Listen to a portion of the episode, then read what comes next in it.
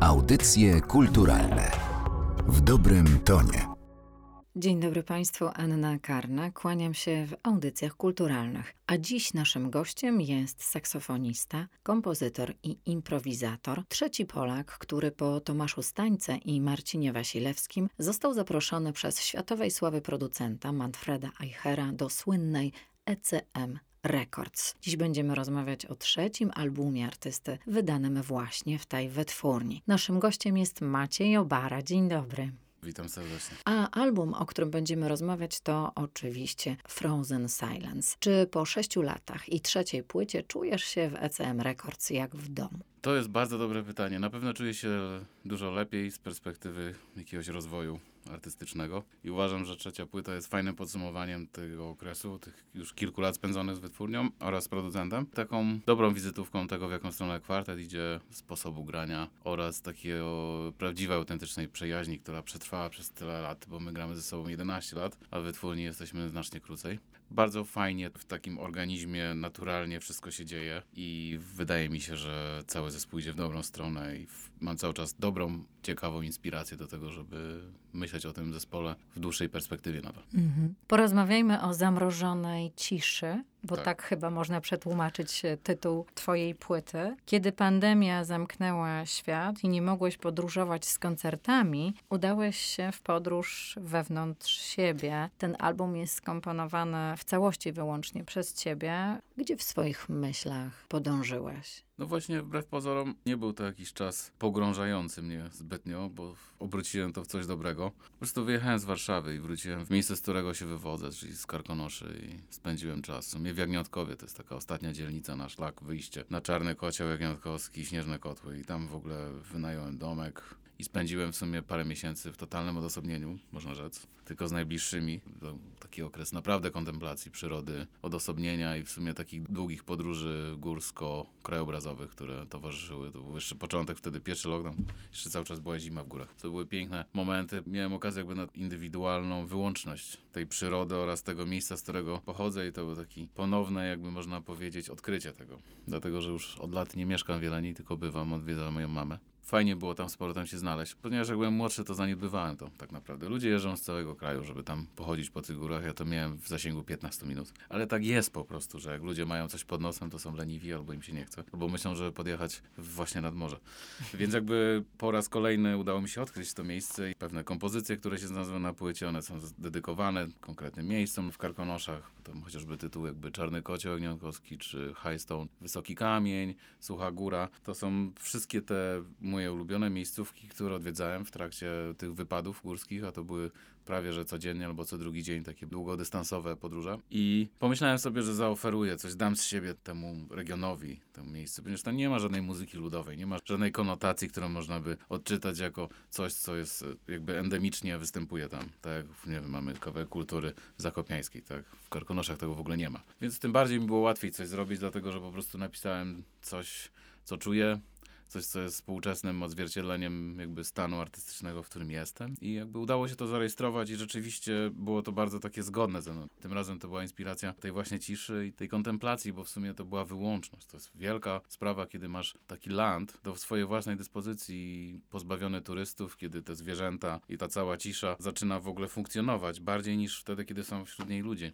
potraktowałem to jako taki niezwykły dar. Pomimo tych tragedii, które spotkały wielu ludzi, chyba postarałem się to jakoś obrócić w dobrą rzecz. I wydaje mi się, że udało się zarejestrować dzięki temu jakiś kawałek autentycznej historii. Powiedziałeś o tej ciszy. Ja wiem, że ty, kiedy komponujesz, nie słuchasz właśnie muzyki, że dla ciebie cisza jest inspiracją i chyba właśnie ta cisza też miała tu ogromne znaczenie. Ja mam takie okresy po prostu, kiedy nie piszę muzyki, to wtedy lubię kupować płyty albo po prostu słuchać czegoś.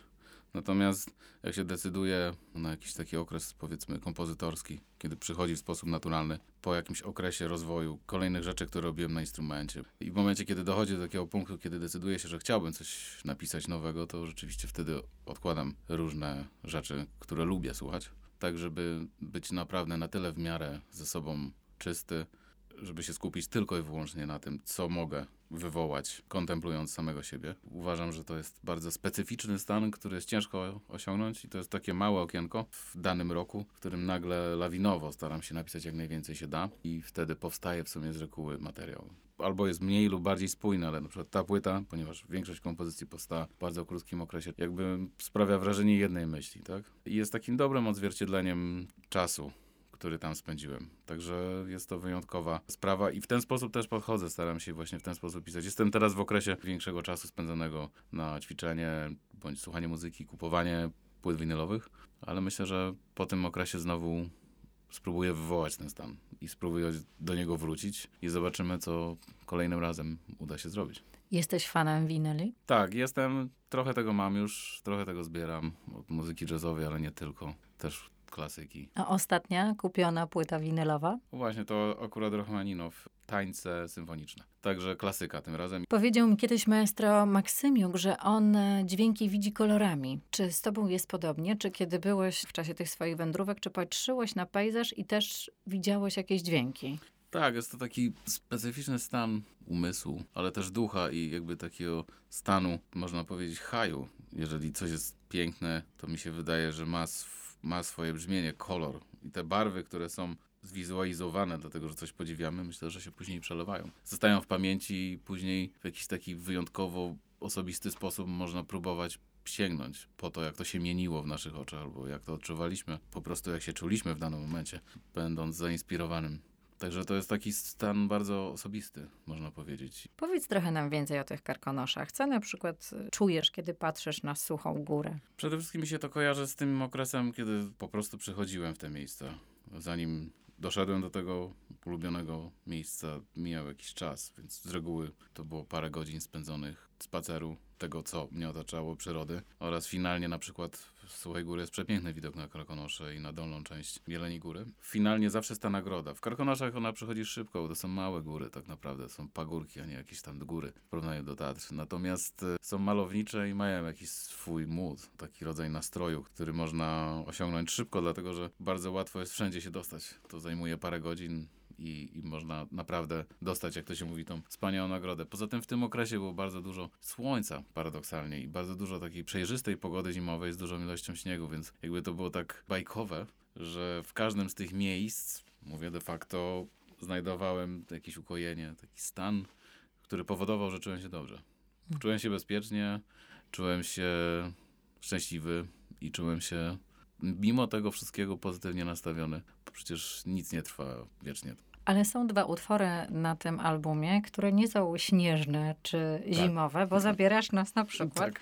na plażę południowej Krety. Zgadza się, bo muszę się przyznać szczerze, że zaraz po tym pierwszym okresie, kiedy mogliśmy na chwilę wyjechać z Polski, dlatego że w ogóle już można było podróżować, to poleciałem na Kretę, na południe, tam mam takie miejsce, takiego można powiedzieć zaprzyjaźnionego Greka i wyleciliśmy z moją żoną na południe Krety i tam jedna z kompozycji powstała. No to jakby w totalnej opozycji w stosunku do tego, co się działo w Polsce, jeśli chodzi o całą przyrodę i klimat. To jest też taka rzecz, którą zadedykowałem miejscu i takiej enklawie mocno odciętej, że można powiedzieć, że to się kończy na tym, że tam są dwa domy na krzyż, które wiszą nad urwiskiem na skalę i jest po prostu błękit tej wody. I to jest przepiękny landscape, gdzie z tyłu są ogromne góry i jest taka dosyć dzika, piaszczysto kamienista plaża z takimi ostrymi wierzchołkami, więc jakby to jest bardzo malownicze miejsce, do którego przez wiele lat wracaliśmy często. I to była świadoma decyzja, że okej, okay, chciałbym tam być, żeby jeszcze wziąć coś stamtąd, trochę się zainspirować. To czym w takim razie jest utwór Rainbow Leaves? To jest jedna z kompozycji, która była kiedyś pisana na orkiestrę AUXO i to była jedyna rzecz, która nie powstała w czasie, kiedy powstawała reszta rzeczy na album. I to była kompozycja w, na AUXO fortepian i saksofon z udziałem Nikoli Kołyryczyka i on stał się też takim fundamentem, który wpłynął na to, jak ta kompozycja, czyli Rainbow Leaves powstała. To był okres, kiedy mieszkałem, cały czas mieszkam na Żoliborzu, ale jeszcze w innym miejscu i to akurat pisałem na Żoliborzu oficerskim z takim pięknym widokiem na taki sadzik śmieszny wewnątrz, taki yard z owocami. Miałem taki balkonik i tam sobie spędzałem bardzo dużo czasu. Miałem pianinko swoje, które potrafiłem przesunąć pod te drzwi i siedziałem, sobie pisałem jakieś rzeczy, więc to był ten czas w tamtej części części Żoliborza i akurat wydawało mi się, że w taki naturalny sposób był też jakimś próbą zobrazowania czegoś, bo akurat dotyczyło tego miejsca. Pomyślałem, że może i też jeśli chodzi o smak, wpasuje się do całości i w miarę to nawiązało i stało się spójne. Ale kiedy popatrzeć na Twoją twórczość, to rzeczywiście tej przyrody jest dużo. Widać, jak to jest ważna dla Ciebie inspiracja, bo przecież tytuł poprzedniego albumu, Three Crowns, odwoływał się do pienin środkowych, a Tak. więc znowu góry.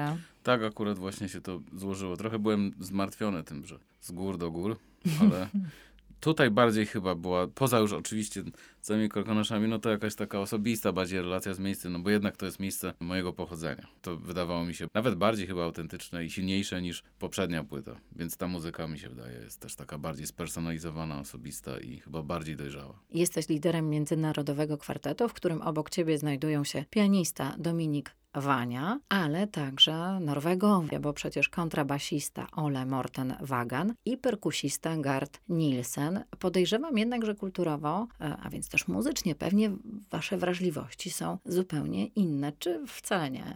Ja lubię Dominika, bo to jest wielki pianista ze względu na to, że jednak operuje tą barwą i środkami z muzyki klasycznej, która świetnie opisuje to, co ja komponuję. On to robi wyśmienicie. Natomiast ta, ta wrażliwość słowiańska jest jakaś. Ale to wynika też z klasyki, którą po prostu zawsze świetnie grał. Większość muzyków jazzowych nie robi tego, nie potrafi po prostu, bo nie ma warsztatu albo w ogóle się nigdy nie dokowało na tyle dobrze, żeby być w stanie w ten sposób podchodzić do muzyki improwizowanej. Więc jest to jego szczególna cecha, którą niezwykle cenię. Natomiast Norwegowie to są goście, którzy mają swoje też projekty i to są też liderzy, więc każdy z nich robi oddzielnie inne rzeczy, naprawdę inne niż ja. Natomiast są na tyle otwarci, że jakby ta fuzja finalnie robi dobrze dla tej muzyki. Są to świetni improwizatorzy, są to świetni kompozytorzy. Ta ich silna osobowość bardzo dobrze wpływa na całokształt. Lubię mieć ludzi, którzy mają też pomysł na siebie i którzy nie boją się w żaden sposób tego zrobić, pokazać, wnieść czegoś do tej muzyki. Nie trzeba w ogóle za bardzo rozmawiać o muzyce. Jak masz ludzi, którzy się potrafią czymś zainspirować, to oni po prostu to robią. To jest bardzo specyficzna umiejętność improwizowania. To jest pozbawione konkretnie stylu, odniesienia do muzyki, czy tam ktoś mówi o jakimś jazzie z 50., 60. lat, czy soundzie z 80., czy jakiejś muzyki elektrycznej. W ogóle w tych kategoriach tej muzyki nie rozpatrujemy. To są goście, którzy po prostu potrafią coś zrobić z tym. No przecież jazz to jest wolność, jazz to improwizacja, to podejrzewam, że to, co jest ważne w takim zespole jak wasz, to chyba przede wszystkim jakiegoś rodzaju relacja intuicyjna bardzo. Bardzo. Taki rodzaj właśnie relacji intuicyjnej, zaufania też sobie i jakby prawdziwej przyjaźni, że możesz w sumie powiedzieć i zrobić wszystko, co czujesz. I to zostanie przyjęte jako dobry gest, który może spowodować i zainspirować do czegoś. A jaki ślad w tobie zostawił okres fascynacji free jazzem? Bardzo fajną rzecz Stańko kiedyś mówił, bo on naprawdę, tak naprawdę z tego free jazzu się wywodził. Te lata 80., 70. to były fajne rzeczy, otwarte, ale były cały czas melodyczne. Natomiast on powiedział fajną rzecz, że to jest super, jeśli to jest jakiś element w muzyce.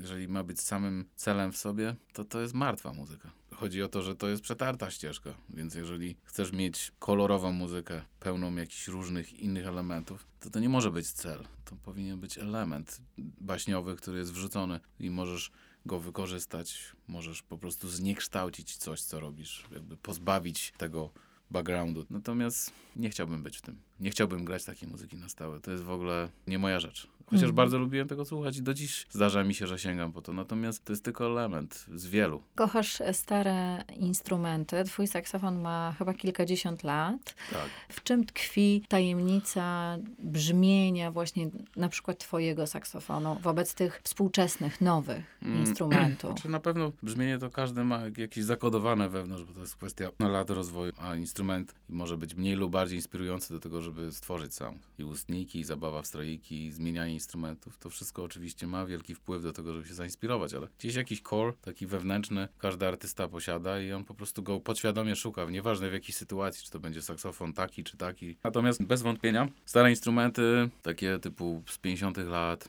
40. Zelmery, mm, francuskie szczególnie. Ja mam 407 roku. Są instrumenty, gdzie po prostu były pozbawione jakiejś kontroli jakości. Rozmowy, jak stal może być czysta oraz ile może mieć w składzie tego, a ile nie tego, ponieważ na przykład może być niebezpieczna dla zdrowia. Generalnie rzecz biorąc, nikt się takimi rzeczami nie przejmował. Kiedyś i w ogóle robiono to tak, że było rękodzieło i instrumenty wychodziły bardzo różne. Wychodziły bardzo dobre, wychodziły też pewno przeciętne, ale generalnie na tle całości ponieważ to była dużo mniejsza fabryka kiedyś. Po prostu wychodziło dużo świetnych instrumentów, którymi się ludzie fascynowali, a czas i to rozbrzmiewanie tego instrumentu przez dziesięciolecia pewno też pomaga. To jest efekt czasu. Francuzi po prostu zrobili najlepszy instrument na świecie, który później wszyscy skopiowali. Natomiast y, to jest taka personalna rzecz. Ja lubię to, ale na przykład ustnik amerykański mam z 50 roku i zdecydowałem się, że go kupię jakoś niedawno. Ja cały czas zmieniam ustniki. Oczywiście instrumenty też. Natomiast ustniki się zmienia taniej. Saksofony są za drogie, ludzie później nie chcą za nie płacić. Ja byłem w stanie wydać wszystko, żeby mieć lepszy instrument, po czym się okazywało, że ktoś go ode mnie kupował i płacił mi o jedną trzecią mniej. I tak w kółko dokładałem do tego interesu, żeby znaleźć ukochany saksofon. Ale rzeczywiście... Ale znalazłeś? Przestałem szukać. Po prostu pogodziłem się z tym, że ten jest dobry. Na pewno są lepsze instrumenty, ale nie mam tej obsesji teraz sięgania za wszelką cenę po kolejny instrument. Nie interesuje mnie to już. A jakbyś pomyślał, w jakim momencie tworzenia dzisiaj jesteś? Bardzo dobre pytanie. Myślę, że też ostatnio, ponieważ więcej, dużo więcej słucham klasyki, jakby mam jakiś zamysł, jakbym chciał, żeby ta muzyka płynęła w tym kwartecie. Jakby harmonia mogłaby się zmieniać, w jaki sposób te frazy by się miały układać, to bardzo się wywodzi z muzyki klasycznej, której więcej ostatnio słucham niż jakiejkolwiek innej muzyki. Więc mam nadzieję, że to będzie miało efekt i finalny wpływ na to, jak napiszę kolejną rzecz i to będzie jakiś progres, miejmy nadzieję, i to bierze w jakimś niedługim czasie, który wpłynie, żeby po prostu ulepszyć to, co zacząłem robić na ostatniej płycie, która jest takim drogowskazem, w jaką stronę zmierzam, ale chciałbym to po prostu poszerzyć. Spotykamy się pomiędzy koncertami, bo przed chwilą miałeś set koncertowy i za chwilę, w przyszłym tygodniu już ruszasz znowu za granicę. Tak, mamy koncerty dwa w Niemczech i dwa we Francji. Będziemy już promować w sumie już poza CD Frozen Silence. Właśnie tego dnia, kiedy zaczynamy trasę, już będzie oficjalnie dostępny winyl z tym samym materiałem, którym jest na CD, z tą samą kolejnością, więc też się bardzo cieszę, że Matt zdecydował się, żeby wytłoczyć płytę winylową. Także zapraszam wszystkich Państwa, którzy kolekcjonują płyty bądź preferują słuchanie na gramofonach. Ta płyta raptem za 10 dni. A czy zgodzisz się z takim stwierdzeniem, że na winylu wszystko brzmi bardziej miękko? Mi się wydaje, że bardziej chodzi o całą ceremonię, że to jest jakby inny sposób słuchania muzyki. Uważam, że finalnym takim punktem najważniejszym dla mnie jest to, że po prostu kładziesz ten placek na gramofon i po prostu słuchasz tej płyty, nie szaflujesz, nie zmieniasz utworów po to, żeby sobie puścić piątkę, a nie włączyć trójki i najpierw jedynki, dwójki, trójki, bo tak ludzie słuchają muzyki często, tylko po prostu musisz położyć to, wystartować i te 20 minut, tam 18 zależy. Idziesz razem z całą płytą i nagle dostajesz jakiś zamysł. Łatwiej jest im po prostu przejść przez całą płytę, niż jak mając y, wersję w digitalu, gdzie po prostu bardzo często przerzucają utwory i nie słucha się całej muzyki. Nie? A ta kolejność, ta twoja właśnie wędrówka przez Karkonosza i te utwory, to jest właśnie ważne, żeby tak iść, tak jak napisałeś, tak jak ułożyłeś te utwory? Tak, myślę, że tak, że to jest, że trzeba po prostu uwierzyć w tą konsekwencję i ona z tej płyty pewno będzie miała kolejną swoją sekwencję jakichś zdarzeń życiowych, które pewno będą pokłosiem tego, co się wydarzyło tam. I wydaje mi się, że każdy ma jakąś swoją drogę. I jak ma pasję i wiarę w coś, to po prostu tego do czegoś prowadzi. Ja akurat obrałem taką ścieżkę i mam wrażenie, że zrobiłem dobrze. Polecamy Państwu album Frozen Silence, a gościem dzisiejszych audycji kulturalnych był Maciej Obara. Bardzo Ci dziękuję za to spotkanie. Bardzo mi miło, dziękuję również. Audycje kulturalne w dobrym tonie.